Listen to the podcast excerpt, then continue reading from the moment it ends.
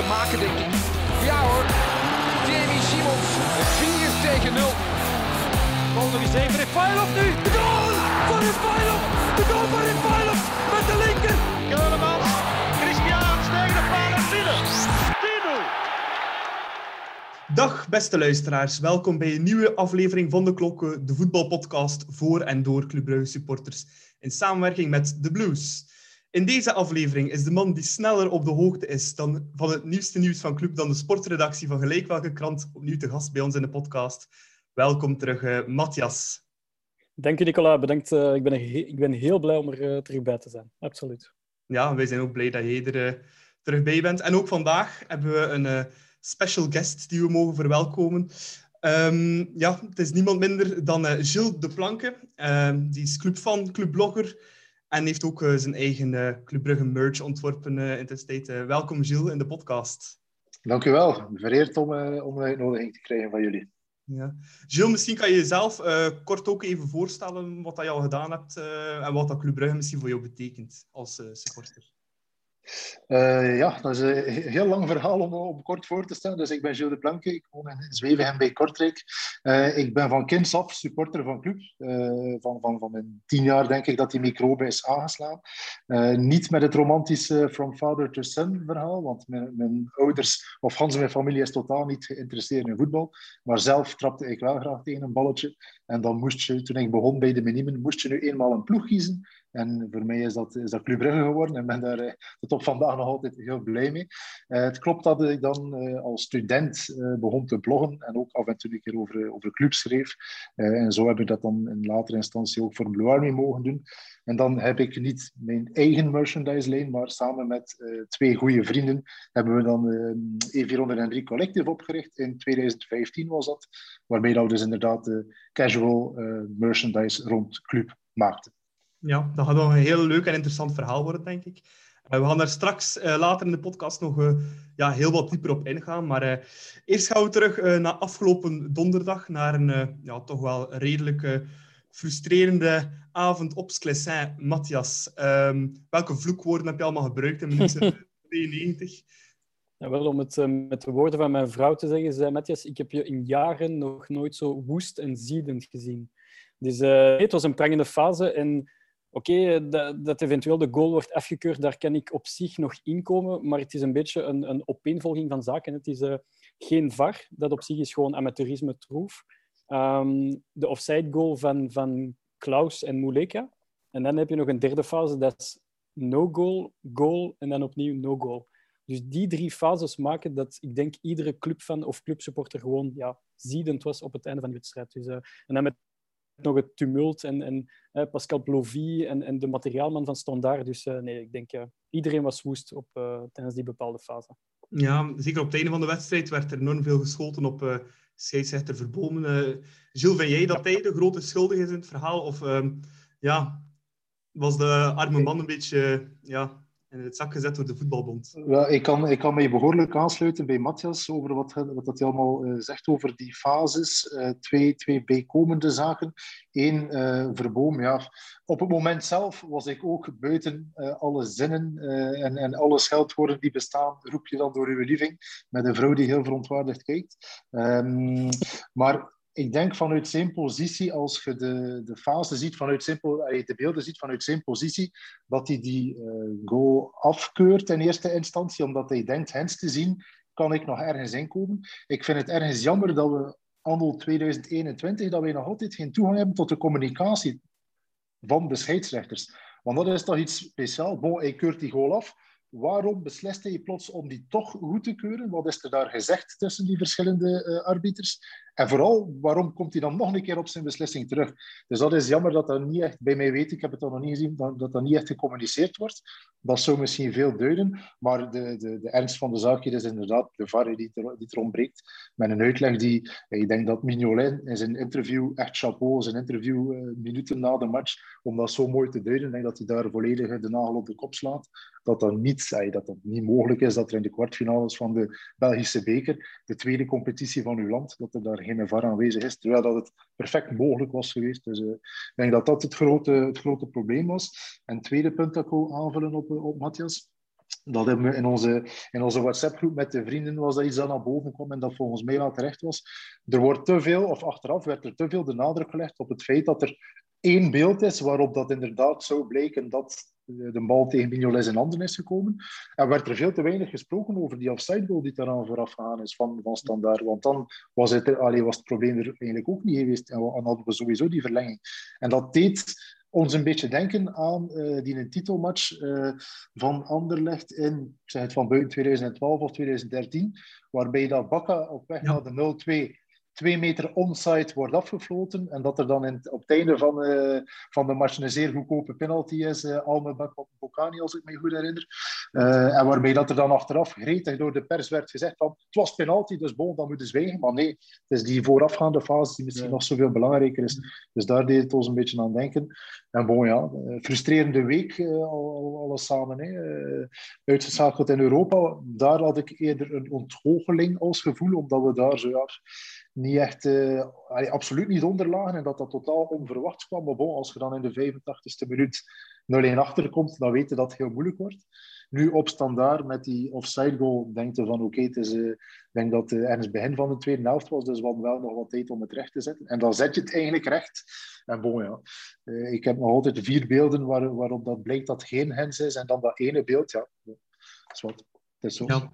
Het is jammer, Matthias is, is die ook niet een beetje extra zuur Ehm, dat, dat, dat Standaard wint met een uh, offside buitenspelgoal. Zeker als je ziet, ja, Standaard heeft eigenlijk behalve dat geen kans bij elkaar gespeeld. En als er dan een kansje was, dat was al sinds geen open wedstrijd.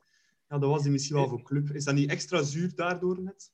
Ja, vooral. Um, nu, ik, ik, ga eerlijk ook toegeven dat club gewoon ondermaats was tot minuut 80. Hè, want uh, hoe, hoe raar het ook mag klinken, Odilon pakt de rode kaart. En, en vanaf die rode kaart is Club dan gewoon vol een bak.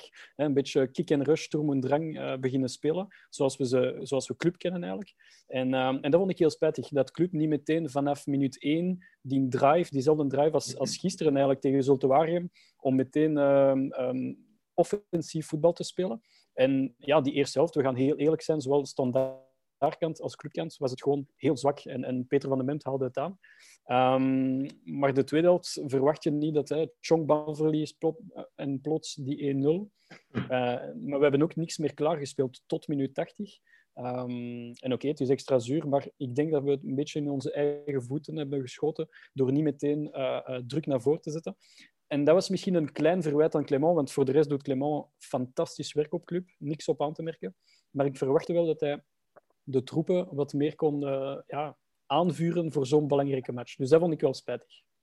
Ja. Ik, ik voel wel, als ik, als ik maar kort mag inpikken, ik voel wel dat we bij de wissel van Lang, bij het inbrengen van Lang in de tweede helft, dan hadden we wel zo weer tien ja. minuten zo van, dat ik dacht van, met de vorige matchen in het, in het achterhoofd, dat ik dacht van, oké, okay, nu houden we er hier eh, erop en erover. Maar ja, die, die goal bleef uit en dan inderdaad vanaf de tachtigste minuut dan wel weer pompen. Ja. Maar over het algemeen was te weinig. Nee, het was inderdaad... Um, het was, ik denk dat geen een van de twee ploegen het eigenlijk echt verdiende voor door te ja. Um, ja, ik denk dat het ook zo'n typische match was geweest die op 0-0 had geëindigd. Alleen met juiste, beslissingen en dan met penalties was uh, beslist. Ja. Nu, um, Club, ja, die spelen uh, niet meer in de beker van België, zijn uitgeschakeld dus. Uh, Matthias, wie, volgens, wie gaat er volgens jou de finale halen en wie wint hem? Hm. Dat is een moeilijke vraag. Hè? Um, want het is ook meteen één rechtstreekse confrontatie. Um, op iemand zou moeten gokken, dan is het toch standaard. Uh, ik denk dat ze het wel halen tegen Eupen. Uh, dat denk ik echt wel. Want je, je voelt ook aan alles dat standaard, als ze echt willen, dat ze zich kunnen oppeppen en, en opladen. Dus uh, bijvoorbeeld tegen Moes Kroen voel je ook van oké, ze hebben alles gegeven donderdag. Dus die, die focus, die grinta, die was helemaal weg tegen Moes gisteren. Maar je weet dat ze tegen Eupen en dan misschien in de finale dat ze weer die, die energie gaan terugvinden. Um, ik hoop natuurlijk hè, van binnen dat, dat Anderlecht uh, ja, die beker gewoon niet wint. Want ik, ik win ze het niet. Maar um, nee, als ik iemand moet typen, zou het toch wel standaard zijn, denk ik. Gilles, wie is jouw favoriet? Favoriet uh, is, is er niet meer, jammer genoeg. Maar uh, ik, ik, denk als ik, allee, ik denk dan, ik zou dan mijn geld inzetten op, op Genk.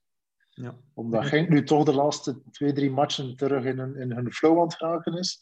Um, ik denk wel dat ze kunnen en gaan winnen van Anderlecht.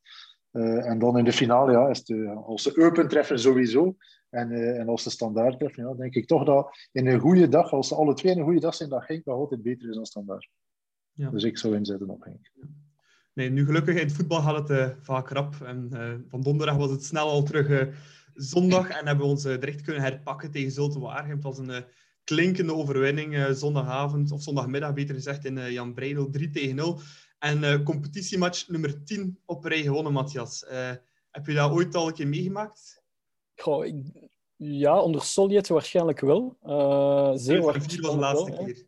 Ah, voilà. Ah, wel. Dus dat was onder Soljet. Um, nee, het is hoogconjunctuur op club. Uh, je voelt ook van, oké, het wordt een heel moeilijke match. Zulte Waregem 25 op 36 sinds oktober. Tweede beste ploeg na club. Um, ze hebben ook niet donderdag gespeeld. Ze hebben gewoon niet gespeeld to koer tijdens de week. Dus ze zijn wel fris, of frisser als club. Um, en, en ja, we zijn ook een beetje gehavend hè, met uh, geen Dost, uh, geen Charles de Ketelaren. Je voelt ook de eerste tien minuten dat het een beetje zoeken is bij club. Maar vanaf de 1-0 van Badji voel je weer... Allez, het is weer een, machine en de drive komt weer helemaal bovenop. Dus um, ik vond ons heel sterk spelen. Vooral die tweede helft vond ik echt uh, heel, heel, heel sterk van club. En, um, en dan zie je ook dat, dat uh, een, een Van Aken, een vormer, vormer speelde echt op heel hoog niveau gisteren, vond ik. Uh, een Noah Lang heeft weer die, die ball touch. En, um, en verdedigen stond, het perfect. En ook Soltuarium, denk ik, heeft geen één kans bij hè, doorheen de wedstrijd. Dus dat zegt ook heel veel over club. Dus, um, en, en ik vond ook dat club ook niet optimaal uh, speelde. Ze waren goed bezig, maar ze hebben al beter gespeeld. Dus uh, een klinkende overwinning, oververdiend natuurlijk. En, en chapeau na de moeilijke wedstrijd van donderdag op standaard. Ja, ja het werd uiteindelijk 3-0. Gilles, maar dat had eigenlijk een pak meer kunnen zijn ook nog dan die 3-0. Absoluut, dat denk ik ook. Uh, ik sluit me weer aan bij Matthias. Vooraf was ik er niet zo gerust op, want uh, je komt uit een moeilijke week waarbij dat je twee dreunen te verwerken krijgt als, als club. Dus um, dan tegen de Zoute Waregem in vorm... Allee, ik had gehoopt uiteraard op de overwinning, maar ik had niet gedacht dat het zo makkelijk ging gaan.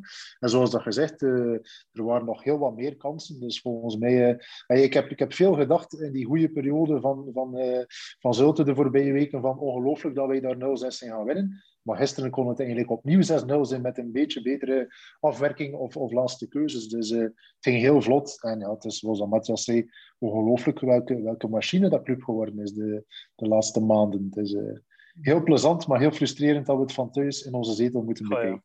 Ja. Dat klopt, uh, volledig. Ja. een feestje geweest op Jan Bij, daar ben ik 100% zeker van. Nu, uh, Lang stond voor de eerste keer terug in de basis, Matthias, ja. sinds een week of drie na zijn ja, COVID-blessure, moeten we dat zeggen. Um, is, is de hij dan het verschil waardoor die machine helemaal terug begint te draaien en de uh, club ook ja, terug heel frivol begint te voetballen?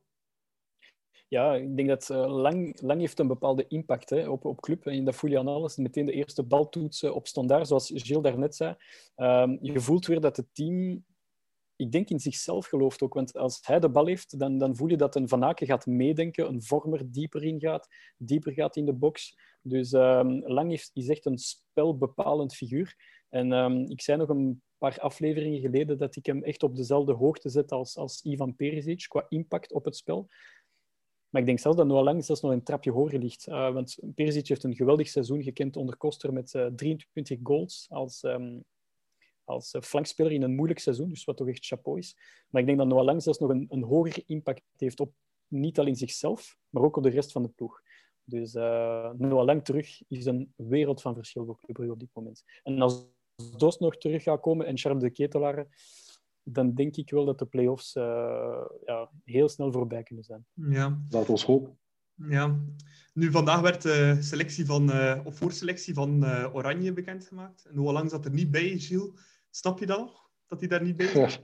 Ja, ik voel, het is nu niet dat ik het Nederlands elftal volg, uh, maar allee, het zijn dat zij daar over ongelooflijk goede spelers allemaal beschikken, als ze, als ze zelf lang niet selecteren. Dus uh, nee, ik allee, denk niet dat dat uh, te snappen valt als je ziet hoe dat hij zowel in Europa als hier in, in België pre gepresteerd heeft. Ja, het is vreemd. Blind is nogthans geen bondscoach niet meer in Holland. Dus ja, heel vreemde keuze. Maar ja, hij zit er dus voorlopig nog niet bij nog wel lang bij het Nederlands elftal, maar ik denk, uh, als hij zo ver doet, zal dat toch niet kunnen uitblijven. Nu, uh, het was gisteren niet enkel uh, allemaal positieve noten. na 20 minuten trapt Badji Club op voorsprong. 10 minuten later, Matthias, wordt hij naar de kant gehaald. Vind je dat kunnen om zo een jonge gast na een half uur eraf te halen? Of vind je dat een beetje een publieke vernedering voor Budgie. Ik vind, ik vind eerst en vooral de reactie van Budgie vond ik outstanding. Uh, dat was gewoon meteen handgeven aan Clement, uh, handshake met de andere spelers. Dus ik, vind, ik vond echt een klasse, een klasse reactie van, uh, van van Badji. Um, ik zou het niet gedaan hebben. Ik zou eerlijk gezegd de rust afwachten, gewoon om, om, om ook ja, hem te kunnen uitleggen in de kleedkamer van kijk, dit zijn de redenen, ik heb jou dit uitgelegd tegen uh, Standaard, je hebt dat niet uitgevoerd, je hebt dat opnieuw niet uitgevoerd, 45 minuten tegen Waregem. En dan is het denk ik misschien een, een iets slimmere aanpak. Um, nu, Clement heeft het al gedaan vorig seizoen, denk ik, met Percy Tau. Het was of Okereke of Percy Tau op Charleroi, denk ik. Um, na 30 minuten hem afhalen. Het is een risico, want je kunt iemand kraken. En zeker een, een, een spits heeft vertrouwen nodig. Ik denk dat dat de positie is waarbij dat je het meest vertrouwen nodig hebt van een trainer. En, um, dus dat is gevaarlijk. En zeker voor een jonge gast als Badji, die net komt piepen, die 19 jaar, 20 jaar is. Um, dus dat was niet de, de slimste move van Clement.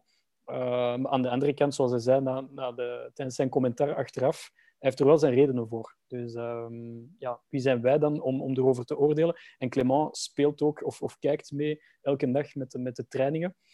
En het zal zijn dat Perez een geweldige indruk heeft nagelaten uh, op de trainingen tegen Standaard en dat Badji het een beetje liet losgaan. Want zoals Clement zei, ik twijfelde in het begin van de match om Perez te laten starten, maar ik heb toch vertrouwen uh, gegeven aan, aan, aan Yusuf en heeft het niet teruggegeven. Dus uh, dat zal de reden zijn. Maar ik denk wel dat die jongen zich eroverheen gaat zetten en dat hij weer, uh, ja, zoals in het begin van het seizoen, gaat knallen, denk ik. Gilles, wil jij de gedachtegang van Clement hierin? Ja, ik, ik sluit me aan bij Matthias. Wie zijn wij om daarover te oordelen? Uh, ook belangrijk, denk ik, om, te, om aan te steppen dat de, dat de wissel eigenlijk al klaar stond voordat hij zijn goal scoorde. Want ik las heel veel op Twitter van uh, ja. de jonge gast die net scoort, eraf halen. Uh, waarom doe je dat? Maar die wissel stond al klaar, dus het moet echt zijn dat, dat absoluut niet tevreden was. En in het verleden hebben wij, heb ik uh, veel bij, bij slechte wedstrijden van bepaalde spelers, uh, wij veel de opmerking gemaakt van waarom wacht je in godsnaam tot de rust? Uh, doe je rapper? Dus bon, als, als ze het dan nu doen, Clement werkt er ganse dagen mee, dus hij zal wel weten wat hij doet. En die mannen zijn matuur genoeg, denk ik, om, om dat wel te kunnen, om dat wel te kunnen kaderen. Dus verwacht niet dat, uh, dat de budget daardoor helemaal ineen zal storten en nooit meer zal scoren. Nee, nee in tegendeel. Dus uh, als ze de opdrachten niet uitvoeren, dan, dan, moet er, uh, ja, dan moet er gehandeld worden. Dus ja, ik kan dat wel volgen. Ja, ik sluit me daar Misschien een vraag voor jou. Misschien een vraag voor jou, Gilles. Had hij dat gedaan bij een ervaren speler? Ik denk aan Dost, aan Vormer, aan Van Aken. Had hij dat dan wel gedaan bij, bij een meer ervaren speler? Want eigenlijk Badji is misschien gemakkelijk geprooid tussen haakjes. Omdat het hij zou moeten. Ja. Het, zou, het zou moeten. Ik ben, ik ben, op dat vlak was ik een, een zeer grote fan van Leco, die, die geen heilige huisjes had. En ja. als vormer een keer niet presteerde, dan, dan zet hij die ook op de bank. Dus als trainer denk ik, allee, zou je dat moeten doen? Of dat Clement dat zou doen, weet ik niet. Maar, uh... Ja. Nu, uh, Perez, uh, die mocht al wat minuten maken tegen uh, Standaard. Ook ja, dan bijna twee derde van de wedstrijd spelen tegen Zulte Waregem. Um, wat, wat, vond je van hem? Um, eerste indruk van uh, onze Venezolaan? Het is moeilijk om, een indruk te maken na, na die twee inderdaad korte, korte invalbeurten. Ik vond hem gisteren dan wel allee, beter spelen dan, uh, dan Budgie. Sterk in duel, aan, aanweziger. Maar nog een keer, ja, het, is, het is moeilijk om, om, om op korte termijn of op die korte invalbeurten een, een, oordeel te vellen. Op standaard vond ik hem eigenlijk ook wel goed invallen, onmiddellijk aanwezig. Dus ja, ik ben wel hoopvol voor de toekomst. Ja, doe me een beetje denken aan uh, Nicola Castillo eigenlijk, ja. destijds een beetje, Matthias. Ja, 100 procent. toen hij die kopslag deed op voorzet van Matta, moest ik meteen denken aan Castillo. In zijn goede tijden, hè, want hij heeft ook een oh, paar mindere tijden gekend. Um, maar hij heeft die typische Latijnse, Zuid-Amerikaanse flair, grinta, ook op standaard waar meteen inviel. Hij, hij, liet, hij, hij zette zich. Um, hij gaat ervoor en er gebeurt altijd iets. De, hij, hij, gaat vaak in de diepte en dan, dat maakt ook ruimte voor zijn medespelers, voor een Noah Lang of een Van Aken dan in te spelen. Dus ik denk wel dat er muziek zit in die jongen. Hij moet het nog altijd bewijzen, maar um, het is een leuke prospect, zeker en vast. Ja. Uh, ook Sobol wist zijn uh, allereerste goal te maken voor club. Um, het is nu tweede seizoen op rij dat we hem huren. Eduard Sobol. Gilles, um, je speler dat we definitief moeten aantrekken of uh, stuur je hem uh, terug naar uh, Donetsk? Op het van het is, het, is, het is een moeilijke. Nee. Ik, ik, ik, was, eh, allee, ik vond hem vorig jaar, vorig seizoen, opvallender, ga ik misschien zeggen. Ik kan niet zeggen beter, maar opvallender. Dan, en dan was ik er echt wel fan van. En dan had ik echt zoiets van, oké, die, die optie moet, moet gelicht worden. Dit jaar, ja. Natuurlijk, we zitten met het probleem dat aan de overkant, dat er daar een zekere Matta speelt. Dus de... Dus we zijn zeer verwend op die rechterflank, op de rechterbakpositie. En, eh, en links is dat dan allemaal misschien wat minder spectaculair, maar bon, ja. eh, ik, ik, ik heb het er wel voor, voor Sobol. Maar ik weet niet of ze die optie gaan lichten eh, of, of op zoek gaan gaan naar een, naar een beter alternatief. Ja. Ja. Mr. Transfer, Matthias. ehm, wat zou jij doen? Ehm, ik, zou, ik zou de optie niet lichten. Ehm, ik ga eerlijk zijn. Ik, kijk, vorig seizoen was een goed seizoen. Nee, was een uitstekend seizoen vanaf dat Rika erbij kwam. Dus hij voelde concurrentie en hij speelde echt van, van augustus, september tot maart op een zeer hoog niveau. Dit seizoen is het echt wel een heel stuk minder. En dat moeten wij gewoon eerlijk toegeven. Gisteren was het uitstekend. Was het bijna zijn beste wedstrijd sinds hij bij club speelt. Hij heeft geen balverlies geleden. Hij heeft een prachtige goal gemaakt. Rushes, à volonté, uh, passing, alles was top. Maar de voorbije wedstrijden, dan spreek ik niet over vier, vier, vijf matchen, maar echt over 15, 20 matchen, was het gewoon ondermaats voor zijn niveau. En dan vind ik 4 miljoen betalen voor Shakhtar Donetsk, plus nog, hij heeft een heel mooi salaris uh, bedongen bij Shakhtar Donetsk. Dat maakt dat het misschien een dure affaire wordt. Dus ik denk dat wij op, een, op hoger kunnen mikken voor de linksback. Dus ik zou hè, met Denswil, die we waarschijnlijk gaan blijven behouden, met Rika, die er nog altijd is voor twee, drie jaar, denk ik wel dat we moeten op zoek gaan naar een, uh, een alternatief, denk ik wel. Ja, in de tweede helft trapte Vormer ook nog de 4-0 tegen de touwen. Werd uh, afgekeurd door de scheidsrechter voor buitenspel van Peres. Um, Jules, vond je dat hij uh, deelnam aan het spel? Vond je dan terecht de afgekeurde goal? Maar ik had al in eerste instantie een beetje twijfel bij de lijn die getrokken wordt. Of dat wel effectief, of die wel effectief juist was. Want het was toch wel schouder, hoofd er wat bij. Ik, ik heb er wel twijfels ja. bij of dat effectief buitenspel is. Laat ons zeggen uh, dat, dat, we, dat we blij mogen zijn dat het de 4-0 was die afgekeurd werd en niet de 1-0 of we gingen weer met een hoop frustraties. Nu, blijkbaar volgens de regeltjes is het juist, maar ja, op de duur om al die, om al die regels te volgen. Allee, ik, ik las dat hij, uh, dat hij deelneemt aan het spel en daardoor de keeper op het verkeerde been zet en dat er, dat er daardoor uh, dus wordt gevlacht voor zijn buitenspel. Bon, ja. Ja, oké. Okay. En zoals je zegt, gelukkig dat de 4-0 was en niet voilà, voilà, voilà. de 1-0. Nee, en misschien wel het moment van de match, zoals de minuut 89, Matthias, de sprint van Matta. Uh, ja. Komt er een eind aan zijn limieten, want uh, die man kan uh, volgens mij nog 90 minuten lang sprinten na een wedstrijd. Ja, en, en, het, en het grappige is, minuut 85, als Kosonou zich blesseert aan zijn schouder, uh, zie je ook Matta trekkenbenen. Letterlijk trekkenbenen. Dus ik denk, oké, okay, Matta opletten, misschien wisselen. Um, en dan zie je gewoon minuut 89, hop, sprint van 60 meter, mooie voorzet. Uh, nee, ik, vind, ik zeg altijd, uh, Nicola, we zijn al drie jaar of tweeënhalf jaar samen aan het commentaar aan het geven op de blindentribune. Moest ik scout zijn, Clinton Matta stond al heel hoog op mijn lijst. En ik snap niet dat enkel, ik denk Fulham, Hertha Berlijn en Wolverhampton, zoiets, oh. um, enkel die ploegen op Matta hebben geboden. Dat, die tart elke verbeelding, want het is een speler die zowel op centrale verdediging met, in een driemansverdediging als rechtsback um, ja, gewoon iedereen omverblaast. En um, ik vond hem als rechtsback zijn eerste twee jaar, dus eerste jaar onder Clement en onder Leco, goed, maar niet zeer goed. En wel op rechter centrale verdediger. Maar nu heeft hij ook stappen gezet als rechtsback. En ik denk het feit dat Diatta weg is uit club, dat hij zich nog meer kan uitleven op zijn rechterflankpositie. Dus uh, nee, ik, ik, snap niet wat dat hij nog bij ons, waarom dat hij bij ons speelt, maar uh, ja, who cares? Hè? Iedereen is blij. En ja, is, hopelijk blijft hij nog lange jaren bij ons. Ja, hopelijk kan hij nog veel quality brengen bij Club de komende Absoluut.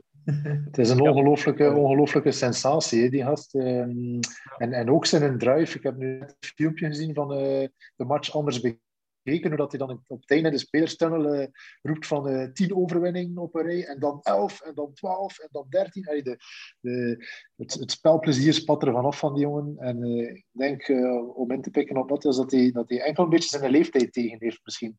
Dat ja. daarom die een transfer uitblijft. Maar voor ons is dat ja. een goede zaak. Laat hem laat hem hier gerust nog enkele jaren knallen. Ik denk het feit, moest hij, moest hij nu Rode Duivel geselecteerd kunnen worden door Martinez, dat was hem al misschien weg. Want Martinez Ja. vloekt al jaren dat hij, dat hij Matta niet mag selecteren. En, eh, maar bon, Matta had nooit verwacht. Hè. Eupen, Racing Genk, Charleroi. Hij had zelf ook nooit gedacht dat hij dat niveau ging halen, heeft hij al meermaals gezegd in een interview. Dus we zijn heel blij voor die jongen. En uiteindelijk al wel positief dat hij geen rode duivel is, want daarmee kunnen wij ook van hem langer genieten. Ja, inderdaad. En genieten zo nog zeker eh, doen van Clinton Matta. Nu, ehm, ja, ik denk dat dat het een beetje was voor eh, Club Brugge, Zulte Waregem. Ik denk dat we kunnen stellen dat het een makkelijke, een eh, leuke overwinning was en een aangename wedstrijd om te zien. Ehm, we gaan ons nu iets meer verdiepen op onze centrale gast van vandaag. En dat is eh, Gilles de Blanke. Ehm, we gaan beginnen met onze nieuwe rubriek. En dat die heet eh, Bluffen, Vragen. Waarbij dat we tien stellingen aan eh, Gilles gaan voorleggen waar hij ja, nee of op kan passen. Ehm, dus ik zou zeggen, eh, we gaan ermee starten, hè, Gilles. Alright, benieuwd. Oké, vraag 1. Had je Ivan Neko liever als coach van club dan Philippe Clement? Ja, Zit of sta je liever in de Oosttribune dan in de Noordtribune? ja, Is de 4-0 titelmatch tegen Anderlecht voor jou een mooier moment dan de goal van Refailov in de bekerfinale? Nee, Stel, er komt een bod van 30 miljoen binnen voor Charles de Ketelaar of Noah Lang. Laat je ze gaan. nee, Haalt Anderlecht nog play-off 1?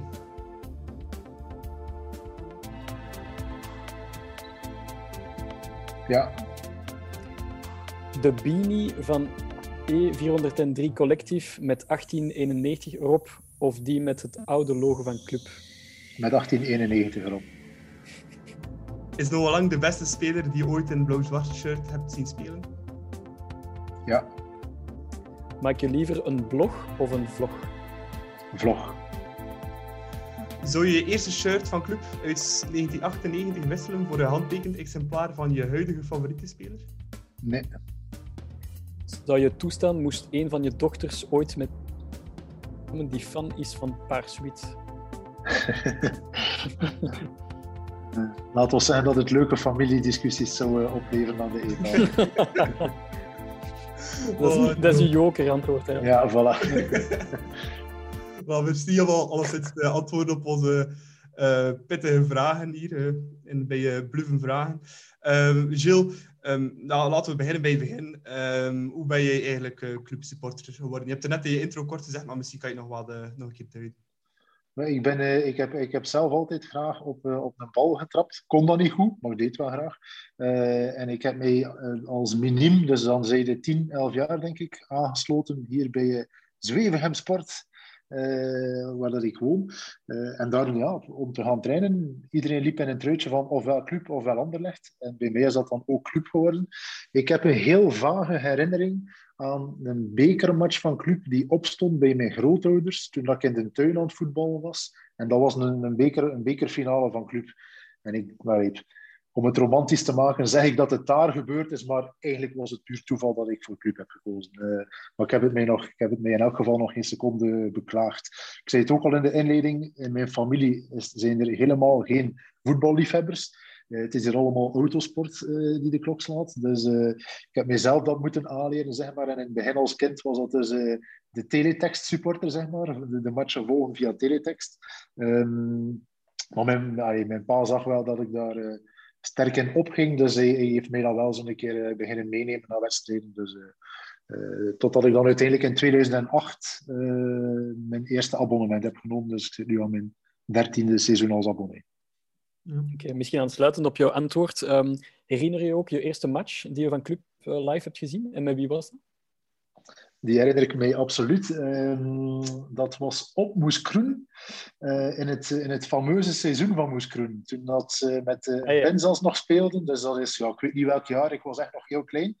Um, en wij wonen dus in Zwevenhem bij Kortrijk. Dus het stadion van Moeskroen is hier een kwartiertje rijden uh, vanaf. Dus uh, ik, ja, dat was een zondagavond, denk ik, dat ze rond acht uur speelden. En dat, dat we zagen in het nieuws dat het Moeskroen club was. En dat mijn pa zei van, zou je ze geen keer willen zien in het echt? En natuurlijk, dus wij zijn gewoon in onze auto gesprongen. Uh, en hebben daar ja, gekomen op de Zwarte Markt. Ze stonden toen nog, toen nog te zwaaien met tickets voor de wedstrijden. Dus wij stonden natuurlijk in een Moeskroen vak. Ik was toen nog een klein manneke, dus ik heb van die match niet zo heel veel gezien. En we hebben dan bovendien nog een keer verloren met 1-0. Uh, maar bon, dat was wel leuk om dat voor de eerste keer mee te maken in Techt, in zo'n stadion binnen te gaan. En later ben ik dan ook, heeft mijn pa mij dan ook af en toe meegenomen naar Jan Breed. Dus uh, ja. Ja, ik zie de glinsteringen in je ogen terugkomen als je erover vertelt. Uh. Absoluut, ja. Dat kan de, als, de luisteraars zien, maar uh, nee, het is heel mooi. Nu, um, daarnet zei je in onze uh, vragen um, dat je liever in de Oosttribune staat dan in de Noordtribune. waarom is dat precies? Wel, één, omdat je een beter zicht hebt. Ik, ja, zie, ik zie het veld liever, liever van op de zijkant dan van achter een, van achter een doel. Omdat je meer plaats hebt. En ja, eigenlijk is dat... moet zeggen, moest ik um, in 2008, toen ik mijn abonnement nam, moest ik toen zelf hebben gekozen dan ging ik waarschijnlijk voor de Noord gekozen hebben, omdat ik toen echt onder de indruk was van die Blue Army. Weet je wel, ik was, ik was, hoe was ik, uh, 2, 23 jaar toen. Uh, dus dan wilde in die ambiance zitten en wilde in dat zingen zitten. Maar mijn, uh, een van mijn beste kameraden, waarmee ik toen studeerde, had al jaren een abonnement met zijn vader in de Oosttribune. Dus toen heb ik vanzelfsprekend gekozen om bij hem te kunnen die wedstrijden volgen. En heb ik dus gekozen voor de Oost. En ja, toen daar nooit meer, eh, nooit meer uit weggaan. Ja, het is altijd ambiance daar eh, in de Oost. Maar wij zitten nu wel uh, boven. Uh, ja, ik ook. Ik zou, ik zou, liever, ik zou nog liever beneden zitten, want, uh, want boven wordt er toch soms smalend een beetje de Benidorm Bastards tribune genoemd. Maar nee, het is toch, het is toch wel ambiance genoeg. En, en ook heel wat discussies soms in, in het ronde. Dus we moeten daar wel soms een keer ons mannetje staan, ik zal het zo zijn. Ja, ik durf me soms ook wel een keer de tweede helft naar beneden te gaan in, in plaats van... Voilà. Ja. Sowieso.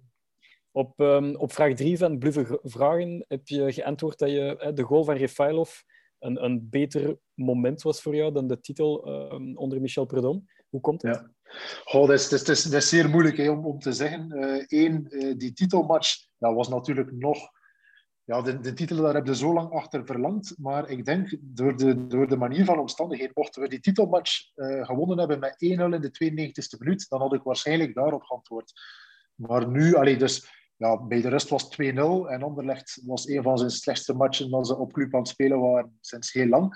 Dus hadden wel zoiets van, oké, dat kan hier in principe, of dat zal hier niet meer mislopen. Dus die ontlading was heel wat minder. Terwijl het jaar ervoor, die bekerfinale, ja, daar komt uit een periode dat, het, dat we sinds 2007 met nogthans heel veel goede spelers geen, geen chocolapeti, zoals we in het West-Vlaams meer hadden gewonnen. Uh, waarbij dat je door het feit dat Predom trainer geworden was het jaar voordien, dat je weer in die hoop zit van oké, okay, het gaat hier eigenlijk een keer gaan gebeuren. Dan speelde eigenlijk een bekerfinale, wat dat velen ook al vergeten zijn, die je eigenlijk 3-0 moet voorstaan. Want twee keer onterecht afgekeurd. Ik dacht twee keer Izquierdo, of, of ene keer Gedos en ene keer Izquierdo. En, en, niet meer, maar en, en Refailov, ja. Ja, en, voilà, dus eigenlijk moet die match 3-0 voorstaan. En dan wordt het in de 89ste minuut 1-1. En, en, en valt heel de hemel weer op je hoofd. Dat je denkt van, toch niet weer, toch niet weer. Ik was mij weer al de tientallen WhatsApp-berichten en het hoongelach op café het weekend erop bij aan het, aan het inbeelden. En dan je toch die... Wij zaten bovendien net achter uh, die goal. Dus wij, allee, wij hebben die een bal prachtig naar ons zien komen. Uh, die goal van Rafaelov. En dan, ja, dan, dan ontplofte. Dan, dan, dan, ik heb geknuffeld met, met, met mannen dat ik nog nooit in mijn leven heb gezien. Ik, de, de extase die zich daar heeft afgespeeld. Ik denk niet dat ik dat in mijn leven ooit al gehad heb. En zoals dat we nu die nieuwe status van leidende ploeg in België hebben, weet ik ook niet of dat ze nog heel snel zal komen, zo'n extase. Misschien mochten we er ooit in slagen om ons te kwalificeren voor de finale van de Europa League of zo. Ik weet het niet, maar ik weet niet wat dat er vergelijkbaar kan zijn met die jaren van uh, bashing op club, uh, die bijna weer mislukking en dat dan toch nog in die extra tijd die overwinning binnenslepen. Ja, dat is iets dat voor altijd, krijg er nog kippenvel van. Eh, telkens dat ik die, die commentaar van Peter van der Memt op de radio herbeluister of, of herzie, kippenvel, absoluut. Dus voor mij was dat veel meer extase dan de titel tegen Anderlecht. Ja, die commentaar van Peter van der Memt is denk ik drie of vier jaar lang mijn alarmtoon geweest op mijn ja. gsm wakker te worden. De dag goed starten. Dat is ongelooflijk. Ja. um, nu, het was ook, um, naast natuurlijk ja, de extase van, van het voetbal, was dat ook extra sportief voor jou een, een heel mooie avond. Hè? Die, uh... Een, een, heel mooi weekend. Een heel mooi weekend, inderdaad. Het klopt inderdaad, en dat zal allee, met heel veel toevalligheden te maken hebben. Maar de avond voor de bekerfinale heb ik inderdaad uh, Eline leren kennen, de vrouw van mijn leven, waarmee ik op vandaag twee, twee mooie dochtertjes heb. Dus uh, eigenlijk sinds dat weekend uh, zit heel mijn leven op de rails. Mijn relatie uh, is er en club, club doet goed. Dus nee, dat was heel toevallig. Maar inderdaad, dus, dat weekend is er wel heel veel veranderd in mijn leven. Laat het zo zijn. Top. Um, misschien wat minder nieuws, maar was, was voor jou, Gilles, 8 mei 2008, hè, met het overlijden van François Sterkelet, um, de zwaarste dag ooit als, als clubsupporter? By far ja, absoluut. Um, ik, ik, vertelde daar net al over, over Thomas, mijn, mijn, van mijn beste kameraden, waardoor ik eigenlijk een, een abonnement genomen heb dan. Um, dus dat was, ja, wij, wij zaten samen in Leuven op dat moment. Uh, ik had in Leuven boven mijn bureau de gekende Blue Army vlag hangen, die, die witte vlag met het uh, oude logo op. Um, met daarop dan het krantenknipsel uh, Sterkele nekt Anderlecht. Dat was van de match in december voordien waarbij dat we 1-0 hadden gewonnen tegen Anderlecht met, met een goal van Sterkele. Eh, ik vond dat een mooie titel, tegen de nekken winnen. En, uh, dus uh, Sterkele nekt Anderlecht. Dus dat, knipsel hong op die, hing op die vlag liever. Um, en die ochtend kreeg ik ja, iets na zes uur telefoon van Thomas. En Thomas was niet degene die tot zes uur s ochtends op café zat. Dus ik, ik wist onmiddellijk dat er iets niet, niet juist was. En op het moment dat, dat ik het opneem, ben ik dus aan het kijken op die vlag naar, die lachende, naar dat lachende hoofd van Sterkelee op dat krantenknipsel, waarbij dat Thomas mij zegt van uh, slecht nieuws, uh, François Sterkelee is verongelukt, uh, hij heeft een auto-ongeval gehad, is dood. En, en ja, ja het, is, is ongelooflijk als ik daarop terugdenk, hoe dat iemand die ik nooit persoonlijk heb ontmoet, die ik nooit persoonlijk heb gekend, hoe dat zijn overlijden zo'n indruk op mij heeft gemaakt. Ik, ik ben toekoer iemand emotioneel, mag ik wel zijn. Maar dat is, ja, wij zijn diezelfde... Ik had de vrijdag nog les. Dat was een donderdag, als ik me goed herinner. Ik had de vrijdag nog les, maar wij zijn toch op de trein gesprongen naar huis. En dan met, met Thomas en Pa naar het stadion gereden. De tafereelen die daar te zien waren. Ja, volwassen mannen die staan te wenen voor, voor, voor, ja, voor een zeer geliefde speler die, die verongelukt is. Dus hoe dat, hoe dat, die, hoe dat François Sterklee dat heeft klaargespeeld om op nog geen jaar bij club toch zo'n indruk na te laten op, eh, op, op al die supporters. Dat is ongelooflijk. Ik ben daar weken mee bezig geweest. Eh, ik herinner me dat een van de, van de kranten een, een grote foto van hem had gepubliceerd met, met de slogan Leef alsof elke dag je laatste is. Ik heb dat uitgeknipt, ik heb dat laten plastificeren. Ik woonde toen nog thuis en dat ging naast de deur van mijn slaapkamer. Dus elke dag, elke ochtend dat ik opstond en naar buiten ging, keek ik daarnaar en had ik zoiets van, damn, ja, het kan elke dag gedaan zijn. En, uh, en zelfs nu nog, nu kan ik daar zo nog bij stilstaan, dat, ik weet nu niet meer precies hoe oud dat geworden is. Hij was 26 of 27, dus ja, ik ben er ondertussen 35, dus dan denk ik van, damn, die gast is zo jong gestorven. Hey, want, want, toen was dat nog die oude, uh, of oude speler, zeg maar, ja. uh, voor ons. Dus, um, ja, nee, uh, nog altijd eigenlijk. Uh, ik denk dat ik op zijn sterfdatum, op 8 mei, dat ik nog jaarlijks die, um, dat filmpje of die column van uh, Filip Joos een keer ja. Want dat, dat vond ik prachtig hoe dat hij dat... Hey, er wordt heel wat gebashed op Filip Joos, maar dat was echt... Dat vind ik nog altijd heel prachtig, dat, dat eerbetoon. En dan, ja, dan, dan word je daar nog altijd stil van... konden we maar teruggaan naar de tijd van Sterschel. eindigt ja. die. Dus ja, dus ja, by far de zwartste dag uit mijn supporterbestaan. Ja, die, die, match tegen, die match tegen Westerlo een paar dagen later was ook uh, kippenvel. Ja. Ik, ik heb dat oh. nooit uh, vergeten. Dat was gewoon heel stil. Iedereen aan het wenen. Um, samen met elkaar. Allee, het, was, het was echt een heel, een heel aparte wedstrijd ook. Um, ja, dat ja, meer weg van een publiek is dan van een voetbalwedstrijd. Hè, toen. Ja, ja absoluut. absoluut. De stilte bij het, bij het betreden van het stadion, dat, dat, dat wandelen naar het stadion, ja, ik denk niet dat al, dat al ooit zo stil geweest is. Dat was, uh, voor de spelers moet dat ook zo absurd, zo uh, ongelooflijk geweest zijn. Ja, nee, uh, het moment dat we ja, ja, ergens moeten koesteren ook, denk ik, maar ja, het bleef toch wel een zeer pijnlijke bladzijde. Hè. Um, Absoluut. Zoals er denk voor elke supporter van club die club ja, doorheen de jaren toch wel wat gevolgd heeft. Uh, zoals ik dat nog levendig herinner. Nu, um, Gilles, naast het ja, extra sportief was Sterklee, maar wat is uh, voor jou sportief jouw grootste ontgoocheling als supporter geweest?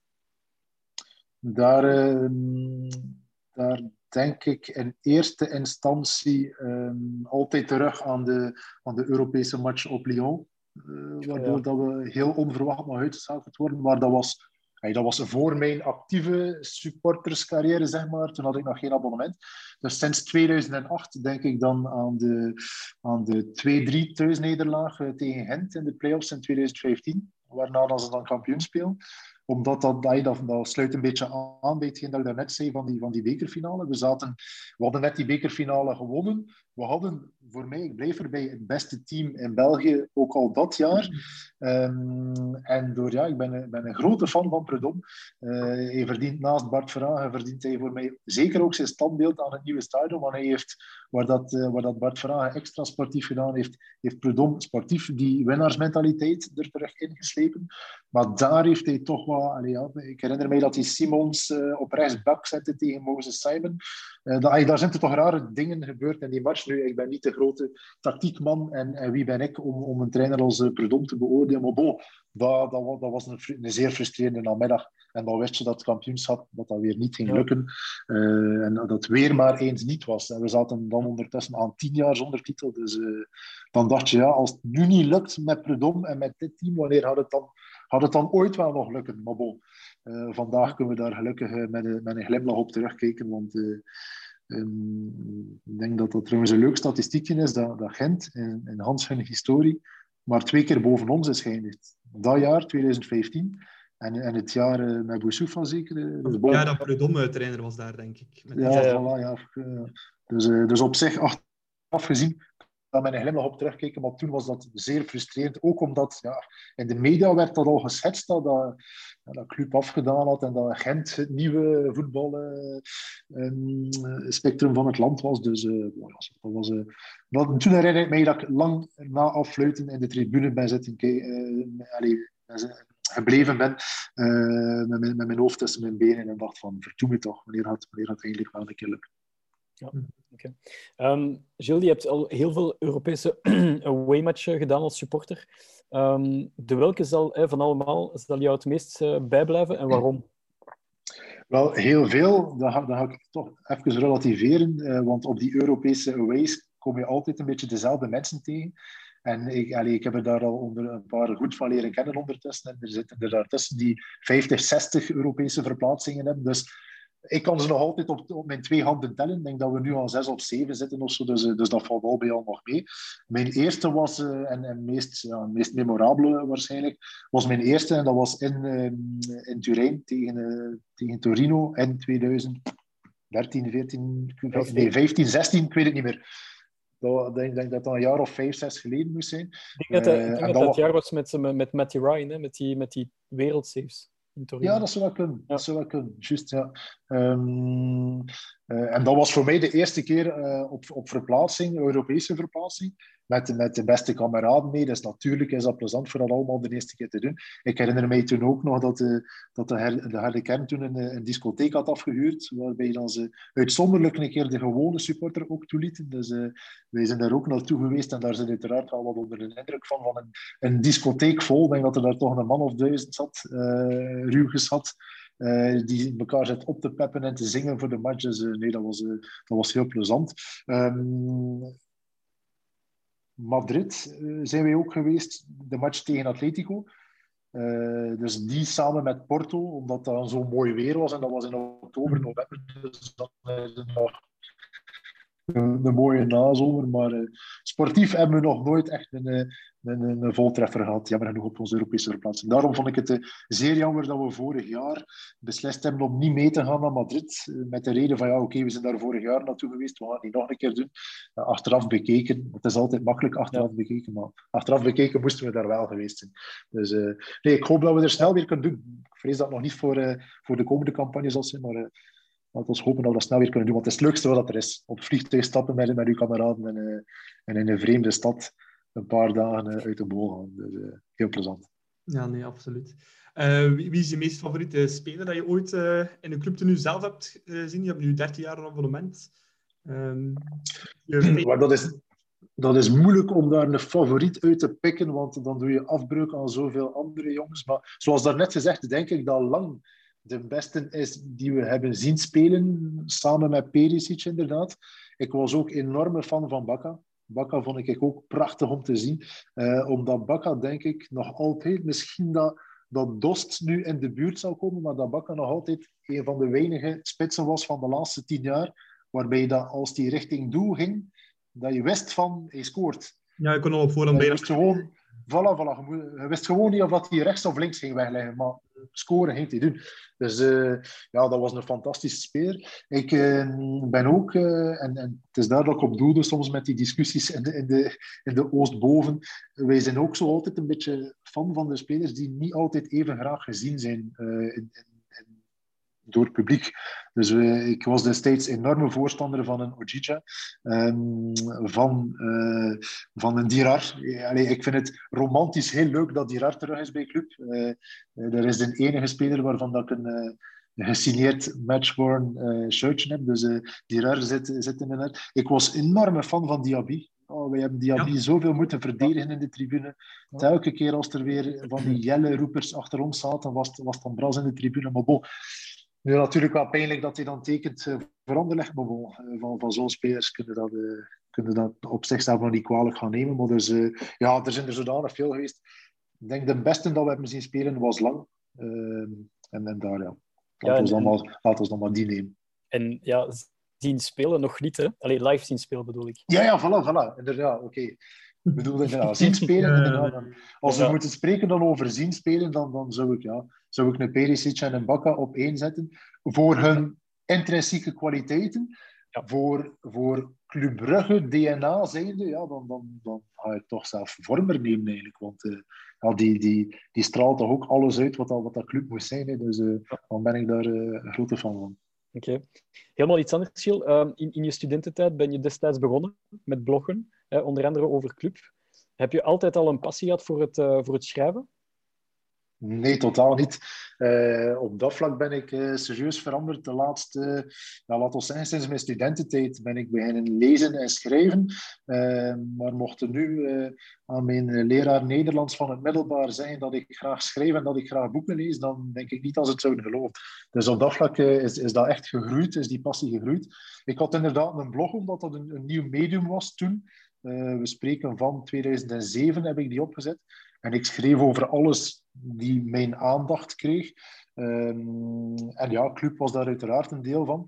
Dat was in de tijd dat er niet veel goed ging, dus dat we, dat we behoorlijk uh, cru in de pen konden kruipen. Dus uh, dat was een beetje een uitlaatklep, zeg maar. Uh, en dan uh, ben ik dat ook mogen beginnen doen voor, voor Blue Army. Dus dat was, heel plezant, ja. ja. En hoe is dat tot stand gekomen bij Blue Army? die blogs? Als, als, ik, eh, als ik blogs schreef uh, over club, dan deelde ik die uiteraard via, via Facebook en Twitter. En Twitter is daar een handige tool voor met de hashtags waarop dat er gezocht wordt. Dus uh, ik denk dat Geert de Kang, de, toenmalige voorzitter van Blue Army, dat hij op die manier op een van mijn blogs is terechtgekomen. En plots kreeg ik een, een berichtje van, mag ik u een keer bellen? En vroeg hij mij van, ja, kijk, we zouden wel een, uh, volgend jaar, volgend seizoen, een aantal vaste bloggers hebben. Uh, zie je dat zitten? Dus uh, ja, ik denk, de, toen dat ik de telefoon heb neergelegd, dat ik een uurtje in het heb staan huppelen van plezier. Want en voor mij was dat echt, ik ga dat niet wegsteken, dus, dus ego-strelend. Dus um, dat was een erkenning voor, voor mijn schrijven, want anders had iemand met zo'n platform niet vragen om daarop te gaan schrijven. Dus nee, voor mij was dat heel plezant om te doen. Um, zeker het, het laatste jaar eigenlijk, uh, het, seizoen van de titel onder Leco, omdat ze daar eigenlijk echt met drie of vier uh, vaste uh, bloggers werkten toen, Blue Army. Dus elke maand moest ik één tekst inleveren. Dus dat was heel leuk om die... Het is een memorabel seizoen geworden. Eén, omdat we in juli, toen dat ik aan die opdracht zeg maar, begon, nooit had durven dromen dat we gingen kampioen spelen onder, onder Lego, die toen toch een nieuwe, onervaren coach was. Uh, en twee, omdat dan achteraf is gebleken dat het het laatste seizoen van Blue Army was. Zij, hebben toen hun, eh, hun stopzetting aangekondigd. Dus uh, op dat vlak ben ik heel blij dat ik daar heb mogen deel van uitmaken van dat laatste seizoen. En heb ik dus 15 blogs of zo zijn geworden. Um, dus ja, dat is heel, heel plezant om dan die evolutie doorheen het seizoen te mogen neerschrijven in uw eigen gedachten. Top. Ben je ook van plan om iets te doen met die blogs of om er opnieuw mee aan de slag te gaan, überhaupt? Of? Wel, ik zou voorlopig, dus op vandaag, schrijf, uh, schrijf ik louter professioneel. Ik, ben onafhankelijk verzekeringsmakelaar en ik schrijf content daarover op, op onze site en op LinkedIn en dergelijke. Uh, ik doe dat op, op vandaag niet meer uh, passioneel, zeg maar, over club. Maar misschien dat ik dat... Allee, ik heb nu wel onlangs met, met het tien jaar voorzitterschap van eh, Bart Verhagen, heb ik daar nu wel dan weer een serieuze tekst uitgeschreven en die deel ik dan gewoon op Facebook, maar ik heb zo geen eigen blog of geen site meer. Uh, maar dus ja, die microben van het schrijven zit er zeker nog in. En specifiek met die blogs van dat laatste seizoen zou ik je zou misschien die bundelen in een of ander e-book of zo, omdat dat toch, ja, voor mij blijft dat toch ook een zeer memorabel seizoen.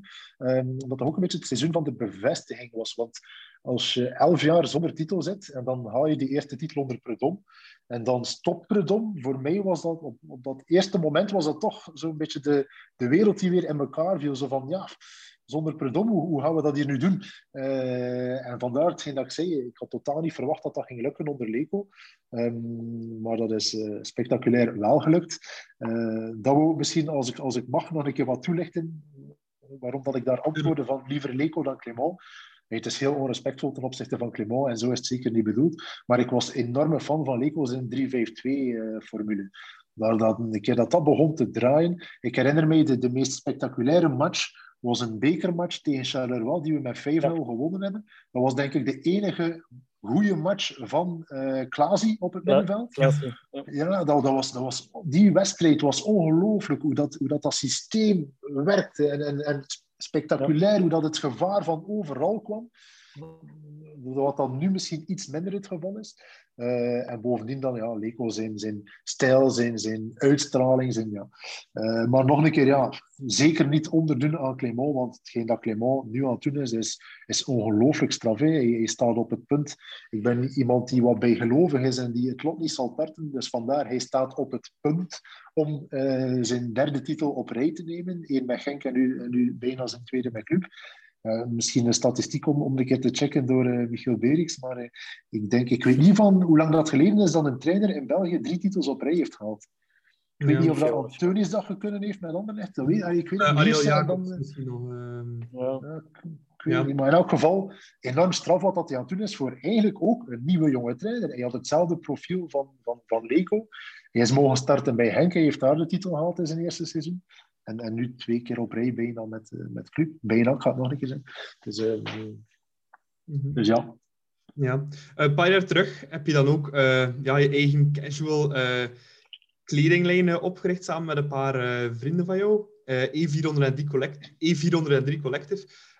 hoe is dat concept tot stand gekomen? Of hoe zijn jullie erbij gekomen om te zeggen, ja, we gaan eigen mutsen en, en pools en zo beginnen maken? Um, daar, uh, dat was eigenlijk kort voor de bekerfinale van 2015, um, waarbij dat er een, een, Belgisch merk de trend had gezet om postcodes op een trui te zetten. Ja. En een van onze kameraden, uh, Olivier, had zo'n trui besteld, maar in de plaats van een postcode had hij daar 1891 laten opzetten. En dat leek ons wel een, een leuk concept. Um, we waren niet helemaal uh, into het lettertype dat zij gebruikten. Dus we hebben dan eigenlijk een, een eigen lettertype gezocht dat, dat beter uitkwam zeg maar, op, op die sweaters. En dus ja, die 1891 sweater hebben we dan uh, in vijf uh, stuks laten maken voor ons, ons, ons groepje, zeg maar, waarmee we naar de bekerfinale gingen. Dus we hebben die eigenlijk eerst gedragen op de bekerfinale, die we dan spectaculair hebben gewonnen van Anderlecht. Um, en op die match op de bus er naartoe en dergelijke. we hebben heel veel lovende commentaren gekregen over die sweater. En er is eigenlijk al rap die idee ontstaan van, zouden we daar een keer niet iets mee doen?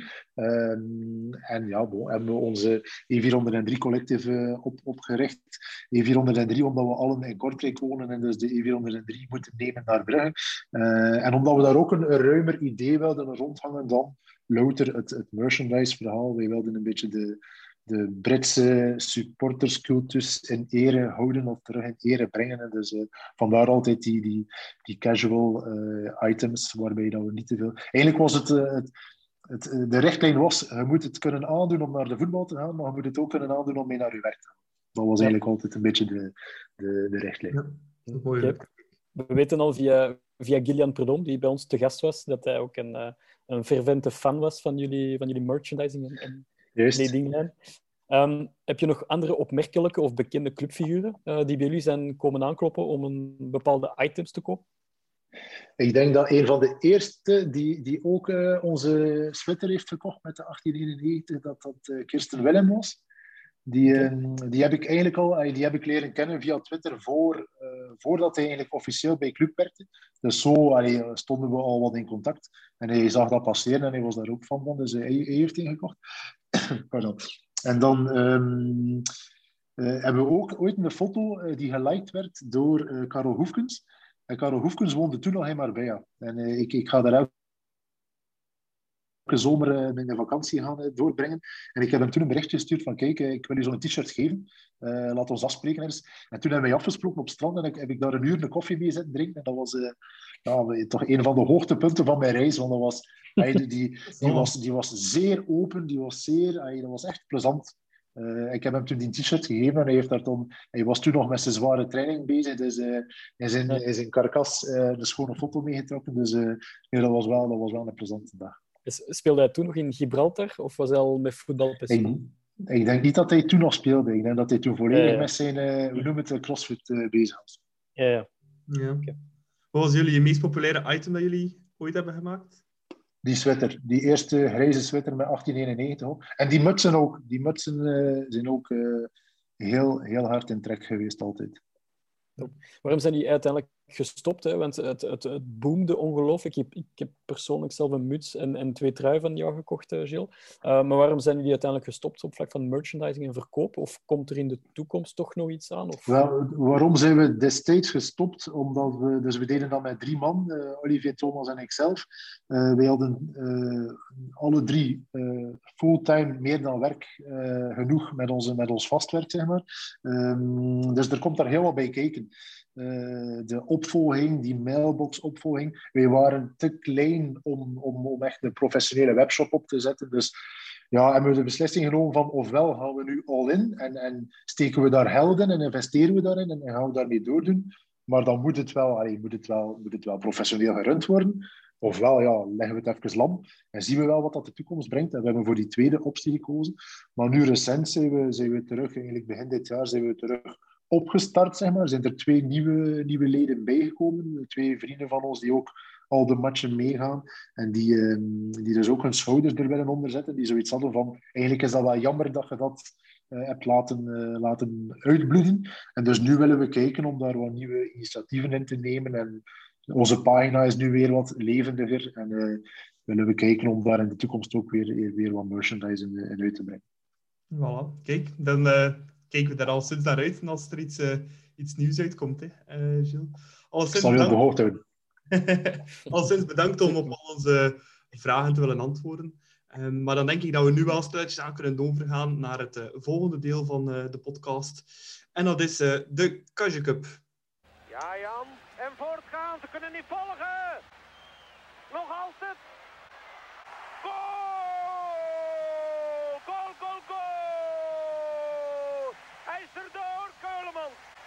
Erdoor. De inspanning van het jaar. De Cup, dat is de prijs voor de speler, medewerker, supporter of persoon die iets met blauw-zwart te maken heeft, die we graag deze week eens in de bloemetjes willen zetten. Elk van ons drie gaat uh, één persoon uh, nomineren en daarna kijken we wie de leukste of mooiste nominatie heeft gegeven. En uh, die wint dan de Cup voor deze week. En ik zal onze gast Gilles de kop laten afbijten met zijn nominatie voor de Cup van deze week. Ik zou graag Pascal Plovy, broeren, nomineren. Um, heel eenvoudig, omdat ja, als er één iemand is, ik noemde daar net al Vormer, maar als er één iemand is die de waarde van club uitstraalt, dat dat dan nog altijd Pascal Plovy is. Uh, destijds als speler, maar, maar nog altijd nu als, eh, als materiaalman. Um, enorm sympathieke man ook. Um, terugkomend op E403 Collective, wij hebben nog altijd een heel mooi ontwerp liggen dat uh, uh, ontspruit aan Pascal Plovy. Uh, we hebben dat destijds gevraagd via mensen van Club of dat we dat mochten uitbrengen. ze hebben daar toen jammer genoeg negatief op geantwoord. En we hebben na de wedstrijd een keer Plovy tegengekomen dan, dat we zeiden van kijk, wat leuk ontwerp. En hij zei van ja, inderdaad, ze hebben me getoond. En, het was duidelijk dat het niet Plovy zelf was die gezegd had dat het niet mocht. Dus uh, echt sympathieke, sympathieke gast. Uh, en met alles uh, in het achterhoofd van, de, van vorige week op standaard vind ik dat hij die nominatie verdient. Hij heeft daar weer met de hand en tand de waarden en de, de belangen van club verdedigd, ik zal het zo zeggen. Ja, ook een beetje geïncasseerd heb ik gezien. Op voilà. met een blauw oog. Inderdaad. Ja. Pascal Plovy, broer dus uh, de nominee van uh, Gilles. Matthias, uh, wie kies jij deze week? Ja, deze week wil ik Simon Mignolet heel graag in de, in de bloemetjes zetten. Um, Mignolet werd nog niet vaak genoemd in onze Cash Cup, vind ik. Um, hij zit toch heel mooi, heel mooi aan, aan 15 clean sheets in 27 wedstrijden. Ja, het blijft fenomenaal. Ik, ik, een beetje zoals bij Matta heb ik ook het gevoel van waarom speelt hij bij club? Maar uiteindelijk fantastisch nieuws. Uh, ik was zo blij eind augustus toen dat hij bij ons tekende. Um, maar misschien wil ik deze keer uh, Mignolet speciaal nomineren omwille van wat er gebeurd is um, tegen Standaard donderdag.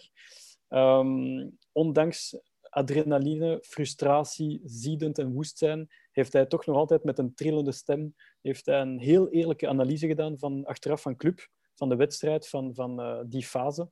En ja, zoals uh, Gilles zei helemaal in het begin van de podcast, zei ook van ja, zoals, hij sloeg de nagel op de kop en, en altijd op een, op een doordachte, slimme, ervaren, matuur manier. Dus uh, ja, chapeau Simon Mignolet. En, en ik ben oprecht heel fier dat, dat zo'n doelman met niet alleen zijn kwaliteiten, maar ook met zijn DNA en, en voorbeeldmentaliteit ons doel mag, mag beschermen. Dus bij deze Mignolet verdient een, mijn ogen.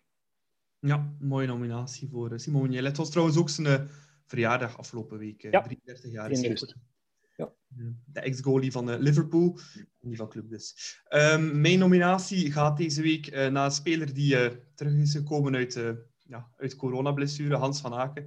en eigenlijk gewoon om de simpele reden dat een club zonder Hans of club met Hans van Aken is voor mij een totaal andere blauw-zwart Um, hadden die vorige week uh, Christophe de Krook uh, ook te gast in de podcast. En die zei het ook van ja, uh, als je enkel alleen niet naar het aanvallende kijkt van club, maar ook naar het verdedigende, dat druk zetten begint gewoon bij Van Aken. En dat, dat dat een totaal andere manier is van voetballen. Dat club dan veel beter tot zijn recht komt. En ja, ik heb dan een keer erop gelet tegen Standaard en tegen uh, Zulte. En ja, je merkt dat. Hè. Die, al die linies schuiven beter op. heel die ploeg draait gewoon beter. Um, ja, en daarvoor een een pluim voor Hans voor mij deze week. Um, ja, omdat hij gewoon ja, onmisbaar is in dit Club Brugge. En ja, soms zie je het niet direct, maar uh, je, ziet, je merkt het maar des te beter als hij er uh, niet bij is. En ik denk Hans van Aken tegen Kiev erbij geweest. Ik denk dat hij wel op zijn eentje dat verschil had kunnen maken tussen kwalificatie en uh, geen kwalificatie. Dat zagen ook de twee matchen eraan. Nu, we moeten nog beslissen wie dat de Kaja Cup wint nu, ik meen me wel te herinneren dat Pascal Plovy hem dit jaar al een keer gewonnen heeft. Uh, of uh, dit seizoen. Ja. Ik denk dat Yves Bullings... Wist ik niet. Uh, nee, dat kon je niet weten. Het is al een tijdje terug, ik denk dat Yves Bullings was, die nog samen met hem gespeeld ja. um, die hem toen ook genomineerd had. Um, dus, um, maar persoonlijk ja, vind ik wel van om een keer aan Mignolet te geven, want hij heeft hem nog niet gewonnen dit jaar. Ja, absoluut. ik vond de nominatie wel zeer mooi, hoor, Gilles, van Pascal. maar, ja, aanzien dat hij hem al een keer gewonnen heeft dit jaar. Ja, tuurlijk. Zou ik zeggen we gaan een keer voor uh, Mignolet. Iedereen akkoord, Matthias, jij ook? Zeker en vast. Absoluut, hij verdient het. En uh, ja, het gaat gepaard met zijn verjaardag, dus uiteindelijk is het een mooi uh, verjaardagscadeau achteraf. Ja. Voilà. Proficiat, uh, Simon. En hopelijk kunnen we nog vele jaren aan Simon Mignolet geven, hè, die uh, Cup. Die nog lang bij ons in doel mag staan. dan zijn we alweer aan het allerlaatste rubriekje gekomen van onze podcast. Dat is een kleine voorbeschouwing naar de wedstrijd. Inhaalwedstrijd, moet ik zeggen. Charleroi Club Brugge. Um, Gilles, denk je dat het veld in uh, Charleroi al ontplooid is in tussentijd? Mag het hopen. maar dat, dat, dat, zal wel, dat zal wel het probleem niet meer zijn. Um, het is ongelooflijk dat we nu 15 punten voor staan. En, en dat we nog die twee inhaalmatchen te goed hebben. De, de, wat, wat knotsgekke competitie. Ja, dus ja, het kan eigenlijk enkel maar meer bonus opleveren in de komende week. Uh, ja. Nee, we zaten al in een zetel voor de competitie en uh, nu zitten we in een relaxzetel, zou ik zeggen. Uh, met de beentjes uh, wijd gestrekt. Nu, um, club heeft wel nog een, een, beetje een openstaande rekening staan, Matthias, met uh, Charleroi. Want op speeldag 1, net na de verloren beekfinale, wanneer dat iedereen dacht van ja, nu moeten ze zich herpakken, verloor club met 0-1 van Charleroi. Zullen de mannen van Clément extra geprikkeld zijn om revanche te pakken? Ja, ik denk, allee, gezien onze status momenteel en de voorsprong die we hebben, ik denk dat de, dat, dat de spelers sowieso gemotiveerd gaan zijn om, om die match te winnen. Ik denk ook niet dat de spelers Charleroi Club als een, als een bonusmatch zien, maar wel degelijk als een, als een wedstrijd zien om, om nog meer uh, het verschil te maken met de rest. Dus uh, een open rekening misschien niet, omdat het nog te ver in het geheugen ligt. Het is denk ik van augustus of september geleden.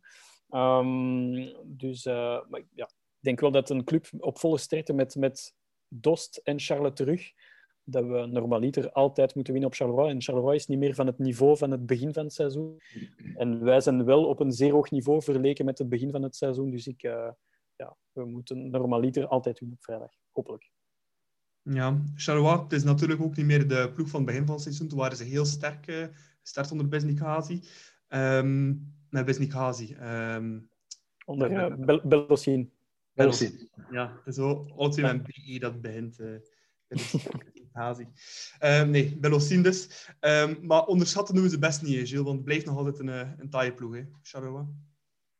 Uh, onderschatten sowieso niet, maar dat, dat mogen we met geen ene ploeg doen. En, uh, ik heb het daarnet al gezegd, op dat vlak uh, ben ik misschien wat te bijgelovig of, of ben ik eerder het, het voorzichtig type supporter. Dus ik ga nooit zeggen dat we daar met de vingers in de neus gaan winnen. Maar bon, vandaag durf ik nu wel zeggen dat de Charleroi niet meer in de vorm steekt van het begin van het seizoen inderdaad. En dat wij, zoals Matthias zegt, in principe daar wel moeten gaan winnen. en, en dus zo al minstens op 18 punten voorsprong komen.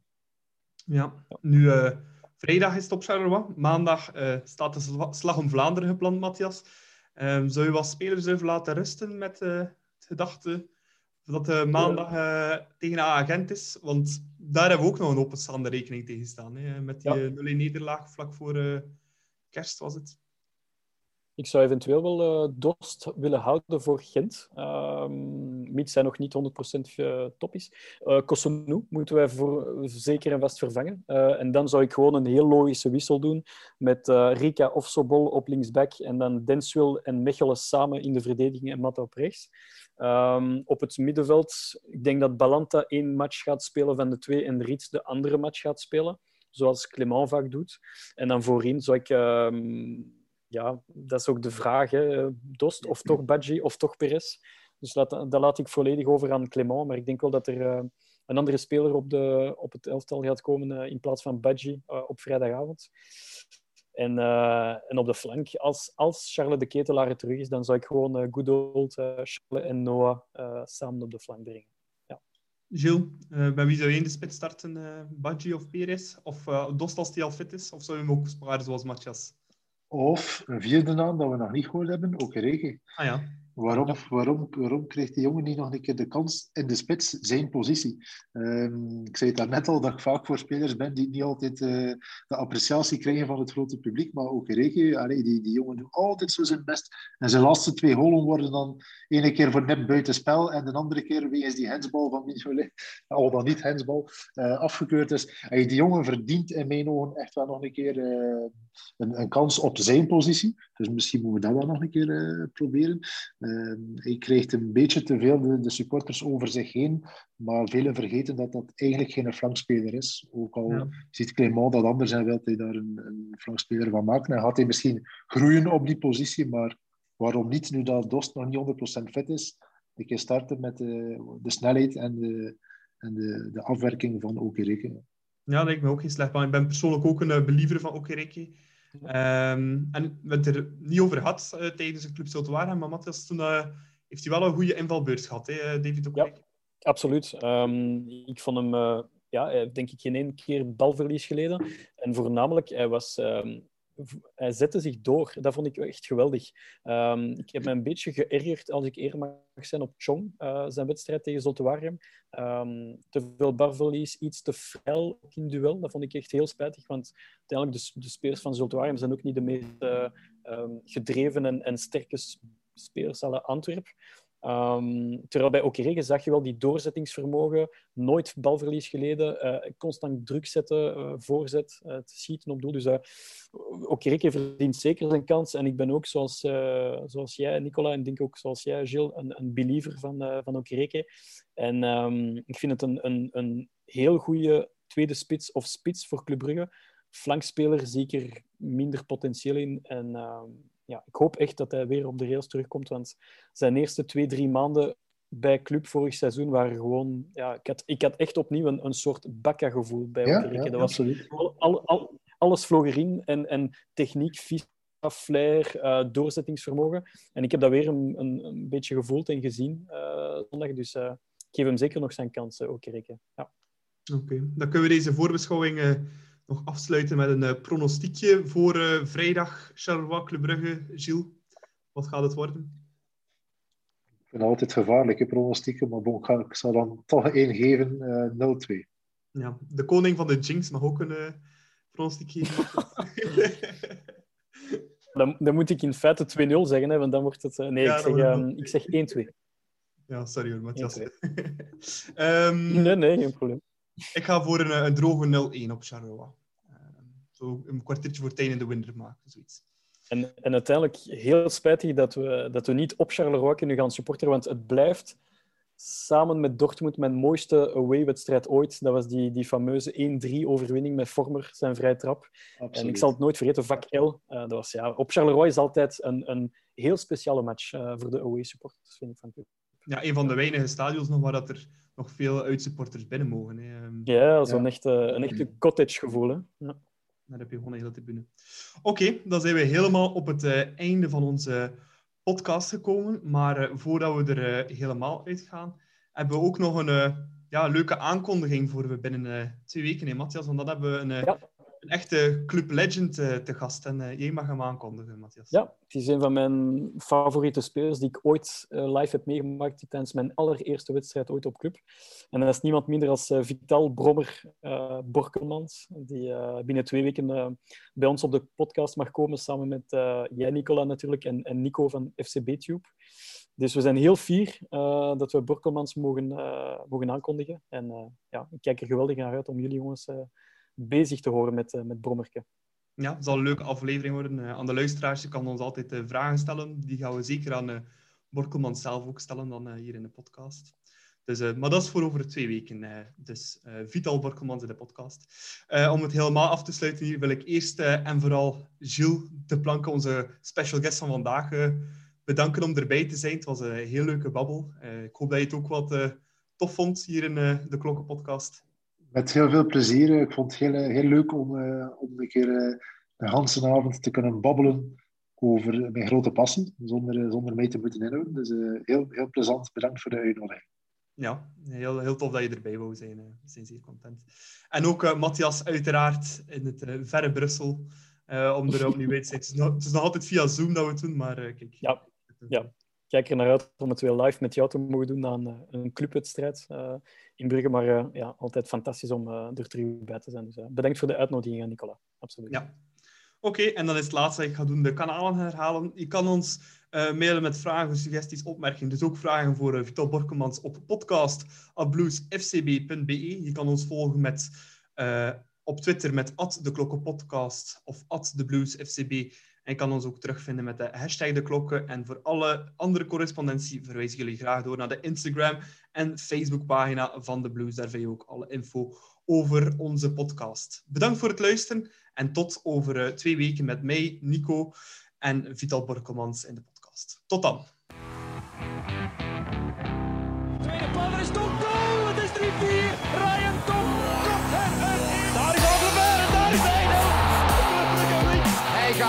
maken, denk ik. Ja hoor, Jamie Simons, 4 tegen 0. Bal is even in Refailov nu, de goal voor Refailov, de goal voor Refailov, met de linker.